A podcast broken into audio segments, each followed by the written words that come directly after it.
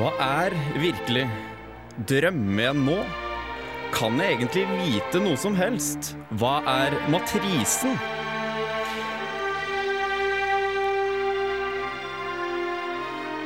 I dagens utgave av X-Villosen snakker vi om René Descartes. Velkommen til en podkast om det å vite. Allerede for flere år siden ble jeg oppmerksom på hvor meget falskt jeg i min ungdom hadde tatt for sant, og hvor tvilsomt alt må være som jeg bygget på dette grunnlag. Derfor har jeg funnet at jeg en gang i livet måtte omstyrte fullstendig alt som jeg tidligere hadde festet lit til, og begynne på nytt fra grunnen av, hvis jeg ville bringe til veie noe fast og varig i vitenskapene. Til å gjennomføre dette forsett har jeg i dag heldigvis befridd min ånd fra bekymringer og sikret meg tilbaketrukkenhet i ensom ro, hvor jeg alvorlig og fritt kan vie meg til denne gjennomgående omstyrtelse av alle mine meninger. Det Descartes her prøver å si, er at en gang i livet må alle spørre seg selv har maskinene tatt over verden og kobla meg opp mot en simulasjon av en virkelig verden, mens jeg egentlig ligger i koma? Er jeg i The Matrix? Å lese Descartes er å ta den røde pilla. Det er å virkelig prøve å forstå forholdet mellom sin egen bevissthet og verden man synes å se rundt seg. Kan jeg stole på sansene? Finnes det noe utenfor min egen bevissthet? Sitter jeg virkelig og hører på en podkast akkurat nå? Og hva er The Matrix? Og det er spørsmål vi skal uh, forsøke å uh, finne svar på i dagens utgave av X-Filosen. Eller om ikke svar, i hvert fall spørsmål vi skal kaste ut. Velkommen i studio nok en gang, Los Mikael. Takk skal du ha. Og også velkommen i studio, uh, stipendiat i filosofi, Ronny Selbekk Myhre. Tusen takk. kan du fortelle oss litt om denne Descartes-skikkelsen? Ja, som dere var inne på i innledninga her, så er det jo det er viktig å se, se Descartes i lys av sin samtid. Det er to virkelig store omvendinger vi finner i samtida. Det første er jo, er jo, en vitenskapelig revolusjon. Det er veldig viktig for å forstå Descartes og denne uroen han uttrykker i forordet til meditasjoner. Det andre er jo reformasjon, som svekker på en måte, måte kirkas stilling i, i samtiden. Det er, dette er at Disse to prosessene, eller disse to hendelsene det gjør jo at alt det som tidligere ble oppfattet som fast og urokkelig, det er jo da i oppløsning i samtida. Så det han egentlig søker, er jo et nytt fundament for vitenskapene, for, for kunnskap og for erkjennelse. For eh, Descartes han var jo en mann som dreiv med mye rart. eller altså, Om ikke rare ting, så han var jo en, en vitenskapsmann, matematiker vel, og holdt på med, men ikke bare med sånn utsvevende filosofi. Det er veldig viktig for å forstå Descartes, det du sier der. Altså, han, I tillegg til at han var den kanskje viktigste filosofen i tidlig moderne, tidlig moderne, tid, så er han også en sentral aktør i den vitenskapelige revolusjonen. Han er kanskje den fremste matematiker ved siden av Newton. Så det Descartes ville når han stilte det her spørsmålet, altså som vi nå gjennom The Matrix kjenner altså er, Hva er The Matrix? Er, er, virkeligheten virkelig? Og sånne ting. Altså, det han egentlig ville, var å finne ut uh, hvordan kan jeg være sikker på at de f.eks. matematiske løsningene jeg kommer med, er gyldige uh, framover i tid. Stemmer. Det ene er matematikk, selvsagt, men det andre er også mekanikken. Det nye verdensbildet, det mekaniske verdensbildet, som han forsøkte å gi et filosofisk uh, grunnlag for. Så det er ikke bare hverdagskunnskap, men også spesielt for Descartes så var det jo da vitenskap, og det forsto han som mekanikk. Og hos Descartes er dette, denne mekan mekaniske verdensbildet mer radikalt enn det er hos Newton. Det er, det er viktig, viktig å, å, ha klart for seg. Ja, for Hvordan så egentlig Descartes på, på mennesket? Og han hadde sånn altså, skille mellom kropp og sjel her, blant annet, som er veldig tydelig for Descartes. Ja, det, det skillet, det kropp, legeme, kropp, unnskyld, legeme, sinn-skillet, det er jo da et resultat av meditasjoner, på sett og vis. Det er noen kommer frem til ved denne undersøkelsen. Men du kan si at det viktigste motivasjonen for Descartes her er jo at han hadde vanskelig å se for seg at vi kan ha en mekanisk teori om tenkning, og også om, om bevissthet. Først og fremst om tenkning, som er mye friere på sett og vis enn mekaniske, mekaniske relasjoner da, i naturen. Så han så ikke for seg at det var mulig overhodet å, å, å, formulere en mekanisk tenkning om, om, om, om ten, mekanisk teori om tenkning. Ergo så trenger vi to typer vitenskap, så å si. En som dreier seg om tenkning, altså det han kalte en tenkende ting, res cogitans, og en annen type vitenskap om, det, om den utstrakte natur, res extensa. Og eh, Du har nevnt det litt innledningsvis nå, de her meditasjonene til Descartes. Eh, de kan vi jo gå litt grundig gjennom nå, kanskje. For eh, hva var det egentlig han gjorde når han satte seg ned og tvilte i den her hytta vel som han satt i og, og, og tenkte eller mediterte? Ja, Det første som er verdt å bemerke, er jo at han kaller denne, denne korte boka for meditasjoner. Hvorfor i all verden gjør han det? Og det, det, det, er veldig viktig å ha, seg, ha, klart for seg hva dette innebærer, meditasjoner. Det er altså ikke, ikke en hverdagsskepsis. Det er ikke, altså, Descartes er ikke en person som, som tviler på om, eh, om ytterdøra eksisterer, eller om tanta eksisterer. Han er, han er interessert i å skape, skape, en metode som, som grunnlegger vitenskapene. Og meditasjonen er en oppøvelse i tenkning. Det er derfor du har disse seks dagene, så du skal gjøre én meditasjon hver dag. Og du skal ha en oppøvelse i tenkning. Så du skal bli flinkere til å tenke og, og få disse klare distinksjonene i naturen klare for deg. Så det, det, er, det, er, viktig. Og meditasjon er også en oppøvelse. Det er en, det er en sånn treningsbok så å si, i tenkning. Og eh, Da kan vi jo gå inn på rent konkret. Akkurat hva er det Descartes eh, får ned på papiret gjennom de her meditasjonene? Ja, Hvis vi går litt tilbake til det jeg nettopp nevnte om eh, reformasjonen og, og, mekanikken, så er det jo det, det, det, det filosofisk-vitenskapelige synet som hadde hersket i filosofien og i vitenskap siden eh, antikken. Det er jo en syntese av Aristoteles og den katolske kirke. Og Dette her kommer jo til en viss grad i oppløsning i, i, i under den vitenskapelige revolusjonen, er uforenlige. Og dette på en måte skaper jo en viss tvil i, i samtida. Hva er det som er, viktig, hva er, det som er riktig i vitenskapen? Hvordan skal vi studere naturen? Og Skolastikken, altså denne skolefilosofien som var tufta på Aristoteles og katolske kirke, den hadde jo et helt radikalt forskjellig verdensbilde fra mekanikken. Så det er viktig for Descartes å skape et nytt grunnlag for mekanikken ved disse meditasjonene. Og Måten han gjør det på, er å formulere denne boken som en øvelse for en individuell tenker, den, eh, eh, hver enkelt av oss. Så vi må gå gjennom denne meditasjonen for å få klare, eh, et klare og et bedre fundament for vitenskap. Da syns jeg vi skal gjøre det. Uh, la, oss, la, oss, tenke oss at vi nå i, i moderne ånd uh, tviler på verden i den forstand at vi vet ikke om vi er i The Matrix eller ikke. Uh, vi vet ikke om tingene vi ser virkelig svarer til noe der ute utenfor oss. og så kan vi bruke meditasjonene til Descartes nå for å prøve å komme oss ut av en sånn tankegang. Vi kan jo begynne med tvilen. da. Mm. Altså, Hvis jeg spør meg selv nå, eh, som Descartes gjorde, eh, drømmer jeg? spør han seg selv. Eh, og hvordan fortsetter han fra det? Um, altså her, er, her, er, det jo Hvis vi går litt, bitte litt bare tilbake så Jeg skal ikke gjenta noe jeg har sagt tidligere, men, men, men altså det, det, som er grunnlaget for meditasjonen, er å altså skape et sikkert holdepunkt eller sikkert grunnlag for vitenskapene og for erkjennelse. Og da, da, er det jo eh, viktig, som Descartes påpeker i sin bok, at man kan ikke operere med uholdbare premisser. Man kan ikke støtte seg på noe som er uholdbart. Så man må finne et sikkert fundament, som han sier. Det er det viktigste med meditasjoner. Og da, Det første han stiller seg spørsmålet da, er sansene. Kan, sansene, kan vi stole på sansene? Nei, det kan vi selvsagt ikke gjøre, for at sansene tar jo ofte feil. Eh, kan vi da stole på eh, matematikken? Eh, Nei, det kan vi heller ikke gjøre. Og Det med drømmeargumentet er viktig, fordi at uh, hos Descartes så er det slik at uh, han, han, sier at vi vet ikke, vi kan ikke vite eh, om vi ikke drømmer. Og I drømmen så kan jo sanseobjektene opp, opp, oppføre seg annerledes enn de gjør i, i, våken tilstand. Så, så, det gjør jo at han avviser sansene, da. Og, men når, når, vi går så langt som å tvile på matematikken, da er det pga. en sånn Eh, ond demon, eh, som da eh, igjen tilbake til moderne tid kan svare til disse maskinene i The Matrix. Hvordan kan en sånn demon gjøre at vi begynner å tvile på matematikken?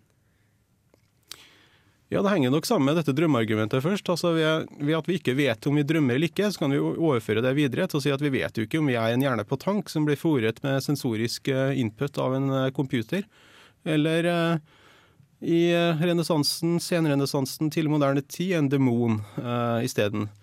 Altså en demon som sitter og lurer oss, eller uh, rett og slett uh, uh, skaper ting som vi tror er den virkelige verden, som egentlig ikke er det. Altså Jf. denne Matrix-analogien til at vi er en at vi er en, en, en kropp som ligger på tank. Da. Um, og matematikken er ganske interessant, for han sier at um, ja, men i drømmen også så er det slik at to pluss to er fire. Fem pluss fem er ti, osv. Så, videre. Så matematikken, den kan jo ikke drømmen på en måte ta fra oss. Men da kommer Descartes inn på denne ond demon-hypotesen. Vi kan jo tenke oss at det finnes en ond demon som faktisk lurer oss til å tro at to pluss to er fire.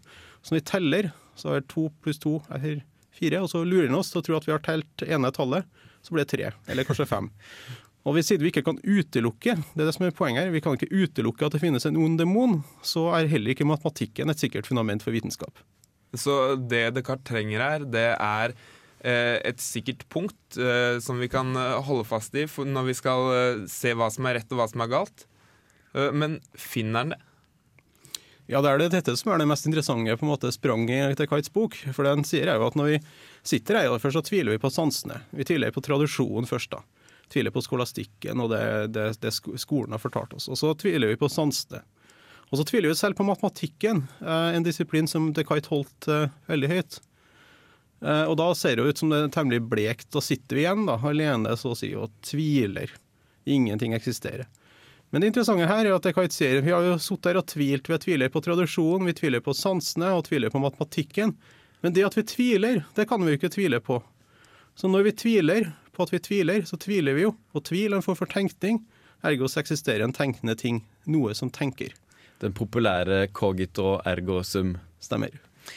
Og eh, hvordan i alle dager, altså da, da, har jo Descartes kommet fram til det her at ja, det, det, finnes jo et eller annet tenkende. Men eh, så vil han jo finne ut hvordan kan han egentlig Han har jo litt lyst til å eh, egentlig komme fram til at, at verden faktisk finnes, og at han faktisk kan ha kunnskap. Hvordan går han videre for å, Hvordan konkluderer Descartes egentlig? Hva fundamenterer Descartes all sin viten i? Ja, Det er veldig viktig å ikke stoppe her. Det vi sitter igjen med her nå, er jo et ensomt tenkende ego. En, et, en tenkende ting som tenker om ulike ting, men Alt annet kan jo ikke eksistere, eller det kan være at det ikke eksisterer.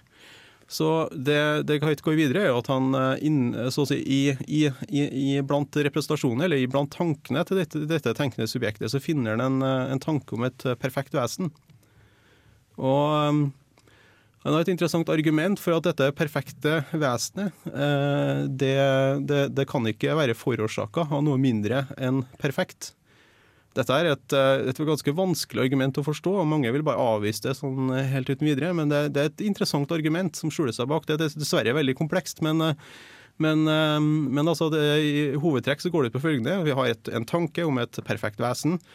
Denne tanken kan ikke være forårsaka noe mindre enn noe som er perfekt. Ergo så må det eksistere noe perfekt som forårsaker denne tanken om noe perfekt. Ergo så eksisterer det en gud. For det kan ikke være en ond demon som forårsaker denne perfekte tanken om, om, eh, om, om Gud, fordi at en ond demon har jo behov for å lure oss, og hvis du har behov for å lure noen, så er det ikke perfekt. Ergo som eksisterer et perfekt vesen, med andre ord Gud. Og for, altså for, min del så syns jeg at det er veldig spennende å, å, å lese meditasjonene helt fram hit. Hvor du på en måte plutselig går litt over stokk og stein, kanskje, føler jeg. Altså, det tar en litt ny vending, på en måte. Han har tvilt på alt, og, og, og plutselig så kommer den her selvsaktheten selvsagtheten inn at noe perfekt må jo finnes, og det er Gud. Mm. Hva, hva, altså, hva, skal vi tenke ut fra det? Hvor, hvorfor lander Descartes på, på noe sånt? Er det, er det veldig naturlig at Descartes landa nettopp på en sånn gudsskikkelse? Ja, det kan man kanskje si. altså Descartes selv var jo en troende katolikk og uh, en som tok uh, religiøs tro på alvor, og var veldig viktig for Descartes. Det er litt uklart hvor viktig det var, men i hvert fall så var det en, en, katol, en, en kristen tenker. da. Uh, det som skapte litt furore i samtida, er jo at, at ikke komme frem til at du kan vite at du er en tenkende ting, uavhengig av Gud. Og det strider jo med at mange teologers lære, da, at du kan overhodet vite noe uavhengig av Gud. Så det er noe kjetteri her også, eh, i en viss forstand. Eh, skjønt han trenger jo Gud for å komme videre, som du sier. Du trenger Gud for å sikre at det finnes en ytre verden, og at den eksisterer uavhengig av oss. Og at vi også kan ha kunnskap om den verdenen uavhengig av oss. Så det var altså, Det Descartes eh, kom fram til gjennom de her meditasjonene, hadde nok kanskje en større sånn sprengkraft i samtida enn det vi sånn umiddelbart klarer å tenke oss at det hadde i dag? Ja, helt klart. Eh, dette var et eh, virkelig revolusjonært budskap i samtida. Og spesielt også i vitenskap så hadde det store skismatet i, i fysikk mellom kartesianere og newtonianere senere. Og det er det ene sida av historien. Den andre er jo at uh, veldig mye av den måten å drive filosofi på, som Descartes argumenterte for, den, uh, den gikk jo sin seiersgang over i hvert fall Europa, da, et hundreårs tid etterpå. Så det er, men det skapte veldig stor furore i samtida, som du var inne på. Det er, det er Ja, det var et, et, et, et på en måte et, et stridsverk også mot det bestående. Ja, og Eh, det, altså I The Matrix-filmen så tas jo det her tematikken eh, opp. Og eh, jeg har lyst til at vi skal høre et uh, klipp fra traileren til The Matrix uh, fra når den kom ut i 1999. Og så kan vi, etter vi har hørt den, så kan vi jo kanskje snakke litt på om uh, det er andre tenkere i ettertida som føler de har på en måte bevist at uh, Descartes sitt spørsmål og sin, hans tvil uh, kanskje er uberettiget, eller eventuelt bevis at uh, ting faktisk finnes. Men la oss nå høre på hvordan, hva, hva de sier i traileren til The Matrix.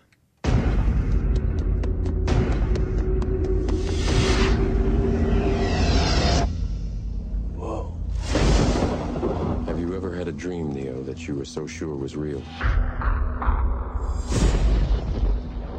What if you were unable to wake from that dream? How would you know the difference between the dream world and the real world? What is happening to me? The answer is out there, Neo. It's the question that drives us. What is the Matrix? The Matrix is the world that has been pulled over your eyes to blind you from the truth. What truth? They're watching you, Neo. Human beings are a disease. You are a cancer of this planet. And we are the cure. Get me the hell out of here! Welcome to the real world. Ja. Er dette den virkelige verden? Blir vi bedratt av en ond demon osv.? Det er ikke vanskelig å høre parallellene her. Det, det, første jeg har lyst til å vite nå, det er hvordan Descartes bruker den her eh, den ene setningen, eh, 'jeg eksisterer' og 'Gud eksisterer', eh, den andre setningen, til å bevise at vi ikke er i The Matrix, og at det faktisk svarer en virkelighet til våre bevissthetsinntrykk. Hvordan går han fram nå? Um, I korthet så går det ut på at um, uh, de egenskapene som den mekaniske natur har, eller den utstrakte natur har, de kvantitative egenskapene, altså som skikkelse og form, uh, skikkelse og form uh, på ene sida, og, og, størrelse, um, de er, de, de er såpass til å stole på at Gud, siden Gud er allmektig, så vil ikke han han, han, lurer oss til å tro at, at, de, at, tingene i verden har de kvantitative egenskapene de har. Så, så Descartes' verden er jo på en måte en slags Matrix-verden, det også. For vi tror jo vanligvis at uh, ting der ute har farge og lukt og smak osv., men det har det altså ikke i Descartes' verden. Disse, alle disse egenskapene, sekundære egenskapene som det kalles, det produseres jo av subjektet selv. Så det fins bare din egen bevissthet. Så naturen, uh, den er utstrakt og har to egenskaper. Og her der, kanskje beveger vi oss inn i, i hvert fall der den moderne, nyere debatten omkring det her problemet som man kanskje i dag kaller altså brain in a vat, eller altså hjerne på tank. Altså hva Når vi sier eh, at f.eks. denne flaska her som jeg holder i hånda, den er, er gjennomsiktig, f.eks. Hva, hva refererer jeg egentlig til når jeg sier flaske. Er det da refererer jeg til noe som er min opplevelse av denne flaska, eller er det sånn at jeg da må tenke at jeg refererer til noe faktisk objektivt eh, utvendig? Eh, altså hva eh, Mikael, hvor er det man har gått altså, Kan du komme med ett eksempel på, en, på en, et forsøk på å løse et eksempel, altså Det eksempelet vi nettopp fikk da med Descartes, det er jo noe som faller litt gjennom, siden folk ikke helt faller for det der eh, gudsbeviset. Og da sitter vi jo her eh, og må prøve å finne en løsning. Og eh, noen løsninger går jo ut på at uh, man kan ikke helt uh, gi mening til utsagnet uh, 'jeg drømmer', fordi at den meningen vil også være drømt. Så det at det gir mening, er bare noe du innbiller deg. Eh, det tror jeg er eh, i Wittgenstein sin ånd. Eh, Jeg er ikke helt sikker på om han sier det. Det det, er det første jeg tenker på. Jeg har ikke så veldig mange gode løsninger, for det her virker så vanskelig. Mm. Har du noen favorittløsning, Stipendiat Myhre? Um, som det jeg mener er overbevisende. Ja, eller er det i det hele tatt altså, Spørsmålet eh, eh, er, er dette virkelig Er det et spørsmål som i det hele tatt er noe vits å stille seg? Eller hva, hva tenker du om det? Det interessante er jo at veldig mye av moderne vitenskap også genererer det samme problemet. Altså Hvis du tenker at eh, du, er et, du har en flaske der ute, som for å bruke ditt eksempel, så er det jo slik at uh, flasken er jo ikke inni ditt hode. Det er jo ikke sånn at flaska er tilgjengelig for deg direkte. Den er jo formidlet av en rekke fysiologiske og elektrokjemiske prosesser. Så det er fotoner som treffer netthinna, disse prosesseres i nervesystemet osv. Så, videre. så du vet jo strengt tatt ikke om det er flaske som genererer denne, dette synsinntrykket av en flaske. Det kan jo være noe helt annet. Uh, altså, vi har ingen garanti for at tingen der ute ligner på det som den ideen eller den forestillingen, for å følge Descartes' terminologi, du har i din egen bevissthet. Så, så, dette er jo et sentralt problem, ikke bare hos Descartes, men også i moderne vitenskap. Hvordan vet vi at uh, verden ikke er en stor illusjon? Uh, det er ikke så lett å svare på. da. Uh, hvordan vet vi at det ikke er det? Det er nok noen filosofer som har forsøkt seg på noen løsninger, men om de er overbevisende, det er en annen sak. Moore i sin tid han kunne jo da strekke ut hånda og si at her har vi én hånd, og så strakk han ut andre hånda, her har vi en annen hånd. Og dette er, Ergo så vet vi at det finnes en utstrakt verden. Altså at det finnes en verden der ute. Og jeg må jo si at eh, personlig så faller jeg er veldig eh, på linje med Moore der. Jeg synes at eh, kanskje, kanskje er det ikke noe Enten så må man på en måte ta den litt sånn med glimt i øyet-svaret, som han da gjør, eller så må man på en måte forsøke å, å gå inn på, på Descartes' premisser da, på en måte, og, og tenke, og da må man jo nesten akseptere en sånn gudsskikkelse. Jeg, hvis jeg skal komme på en løsning til nå, nå, sitter jeg her og har mange løsninger på dette problemet som ingen andre har løst. selvfølgelig. Eh, men det vi gjør da, når vi stiller spørsmålet er, svarer dette bevissthetsinntrykket til noe der ute, da, da sier vi på en måte kan hva slags forhold er det mellom min synsvinkel og en synsvinkel fra ingen steder, eller fra Guds synsvinkel?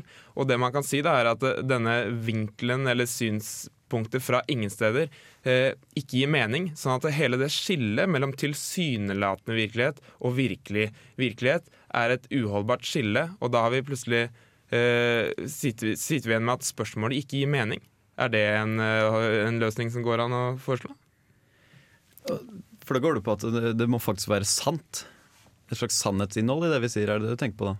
Nei, det jeg sier er at det skillet som vi eh, forutsetter når vi stiller det spørsmålet her, ikke er holdbart. Sånn at eh, spørsmålet er eh, gir på en måte ikke mening, da. Ja, men kan man ikke fortsatt være kobla opp til en sånn her datamaskin? Ja, det er et uh, veldig interessant poeng, det der. Altså, det finnes jo noen varianter av det som også at det å være Det på en måte får ting uh, gal rekkefølge. da, altså Du kan ikke tvile på om det finnes en ytre verden samtidig som du er sikker på at du sjøl eksisterer osv. Det, det må finnes en verden hvis du sjøl eksisterer. Jeg personlig syns ikke at uh, mange av de argumentene ikke er så, er så veldig overbevisende. Men det, er, det, er, det, kommer helt an på hvem du, hvem du spør. Uh, men det, det, som er sikkert, er at dette Matrix-problemet, Descartes' problem, er ikke løst. Og det, det, er ikke noe sånn unison enighet om at det er løst, men det finnes jo selvsagt ulike løsninger på det. Så. Jeg tenker på, altså For å ta et eksempel fra The Matrix her, så sier jo da Morpheus til Neo altså 'what is real'? Og det er vel sånn at en filosof eh, som Berkeley i sin tid ville jo kanskje sagt at altså, 'appearance is reality'. Altså det, det som du har inni hodet ditt, det, den forestillingen du har av verden, det er verden. Og i så fall så gir det jo da egentlig ingen mening å si om, spørre om du er en hjerne på en tank, eller om du faktisk lever, fordi det er ingen annen Det som du opplever, er det virkelige.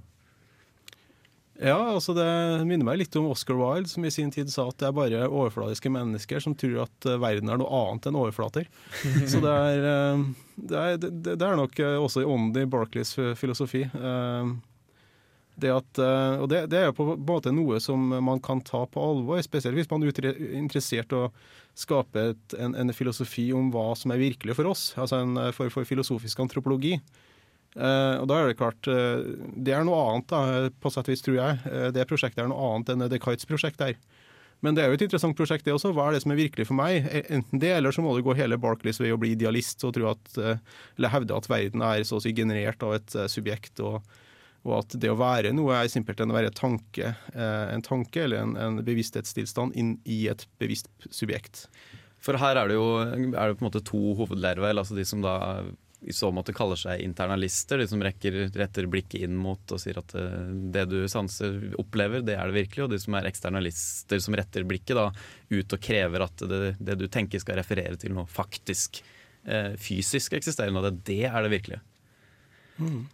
Eh, jeg har gjort meg en tanke. Altså, eh, for å ta altså, Descartes snakker jo om Gud, og i The Matrix så jo, kan man jo også tenke seg at at det altså, finnes en slags gudeskikkelse, og den åndelige verden er kanskje de her maskinene og greier. Og i så måte så kan man jo kanskje snu det til at mennesket fant jo opp Gud, altså vi fant opp maskinen, kan man jo kanskje si. Og så kan man jo kanskje si at Gud tok plutselig over menneskets persepsjon. Altså det, I så måte er det jo Gud som forfører oss, på en måte, for å svare Descartes der, da, at, med en Matrix-analogi. At det er jo maskinene som, som, vi egentlig skapte selv, som forfører oss. da. Og i så måte så vil man jo da, sånn som eh, Chalmers, en eh, annen kjent filosof, eh, som snakker om da at i en sånn her artikkel han skrevet om The Matrix, at i så måte er det jo ikke Neo som er der den virkelige Jesus. Det er jo Agent Smith som er Jesus, fordi han er jo da kommer av Guds kjøtt og blod. Eller, han er jo av maskinens verden i så fall. Så det er, det er mange måter å se på det her på. Mm. Ja. Kan, kan, jeg komme med en, enda en løsning? Vær så god, Mikael. Vi, nå har vi hatt fire løsninger. Eh, så er det en annen som jeg husker eh, Nå, har vi nevnt mange navn, så jeg nevner navnet her. Og, eh, Donald Davidson. Han har, han har en idé om at det går ikke an å ha massivt feil. Fordi at du kan ikke slutte fra at hvilken som helst av de setningene du tror på, kan være feil, til at alle kan være feil på én gang. Han, han sier at det at noe er feil. Det gir bare mening eh, med, eh, med en bakgrunn av ting som er sant. Så eh, konklusjonen da er at det må være sånn at det meste du tror, er sant. Er det en løsning, da? Ja. Kanskje. Det er det, altså hvis du er kartesianer og blir møtt og blir, blir, blir, presentert dette argumentet, så vil jo kanskje kartesianeren si at altså En kartesianer er simpelthen en som er tilhenger av Descartes' filosofi. Uh, så vil jo kartesianeren simpelthen si at uh, du antar jo at uh, svaret på spørsmålet, eller problemet, allerede eksisterer. Altså at du har løst problemet. For at du, du, du innfører så å si et premiss om at det ikke går an å ta massivt feil. Uh, og Det vil jo ikke overbevise kartesianeren, det vil jo kanskje overbevise mange andre, men kartesianeren vil jo ikke bli overbevist. Og det, Kanskje det som er noe av problemet her, det med løsninga på dette problemet, er jo at det å, det å, skape eller det å, det å, generere en løsning på dette problemet, det krever Eh, et veldig sterkt argument. Eh, og slike argumenter finnes kanskje ikke. Så det er en rekke andre argumenter vi kan peke på, f.eks. at hjernen ikke er selvtilstrekkelig. For eksempel. altså det, kan ikke, det kan ikke være sånn at en hjerne er på tank som, som, får input og genererer verden. Eh, det er ikke mulig, det er ikke vitenskapelig mulig. Det er ikke sånn hjerner fungerer. De trenger en kropp, du trenger armer, du trenger ben. Du må kunne bevege deg rundt osv. Men alle, disse argumentene her er jo da svake argumenter, relativt svake argumenter, så det vil jo ikke overbevise kartesianeren. Og det er jo det som gjør Descartes så interessant på sett og vis også. At han skaper dette problemet som er relativt lettfattelig, og man forstår det relativt raskt, og som samtidig er et substansielt og viktig problem, tror jeg. Selvsagt så er, er det ikke holdbart. Det er jo ikke sånn at vi kan leve med dette problemet. Men, uh, så det må jo være en løsning på det. Men hva løsningen er, det, det er jo litt vanskelig å si. da. Tror du vi noen gang kommer til å kunne slå hardt i bordet og tenke som Eller vitenskapsmenn vil kunne tenke at nå har vi svaret. Virkeligheten finnes. Eller kanskje det motsatte.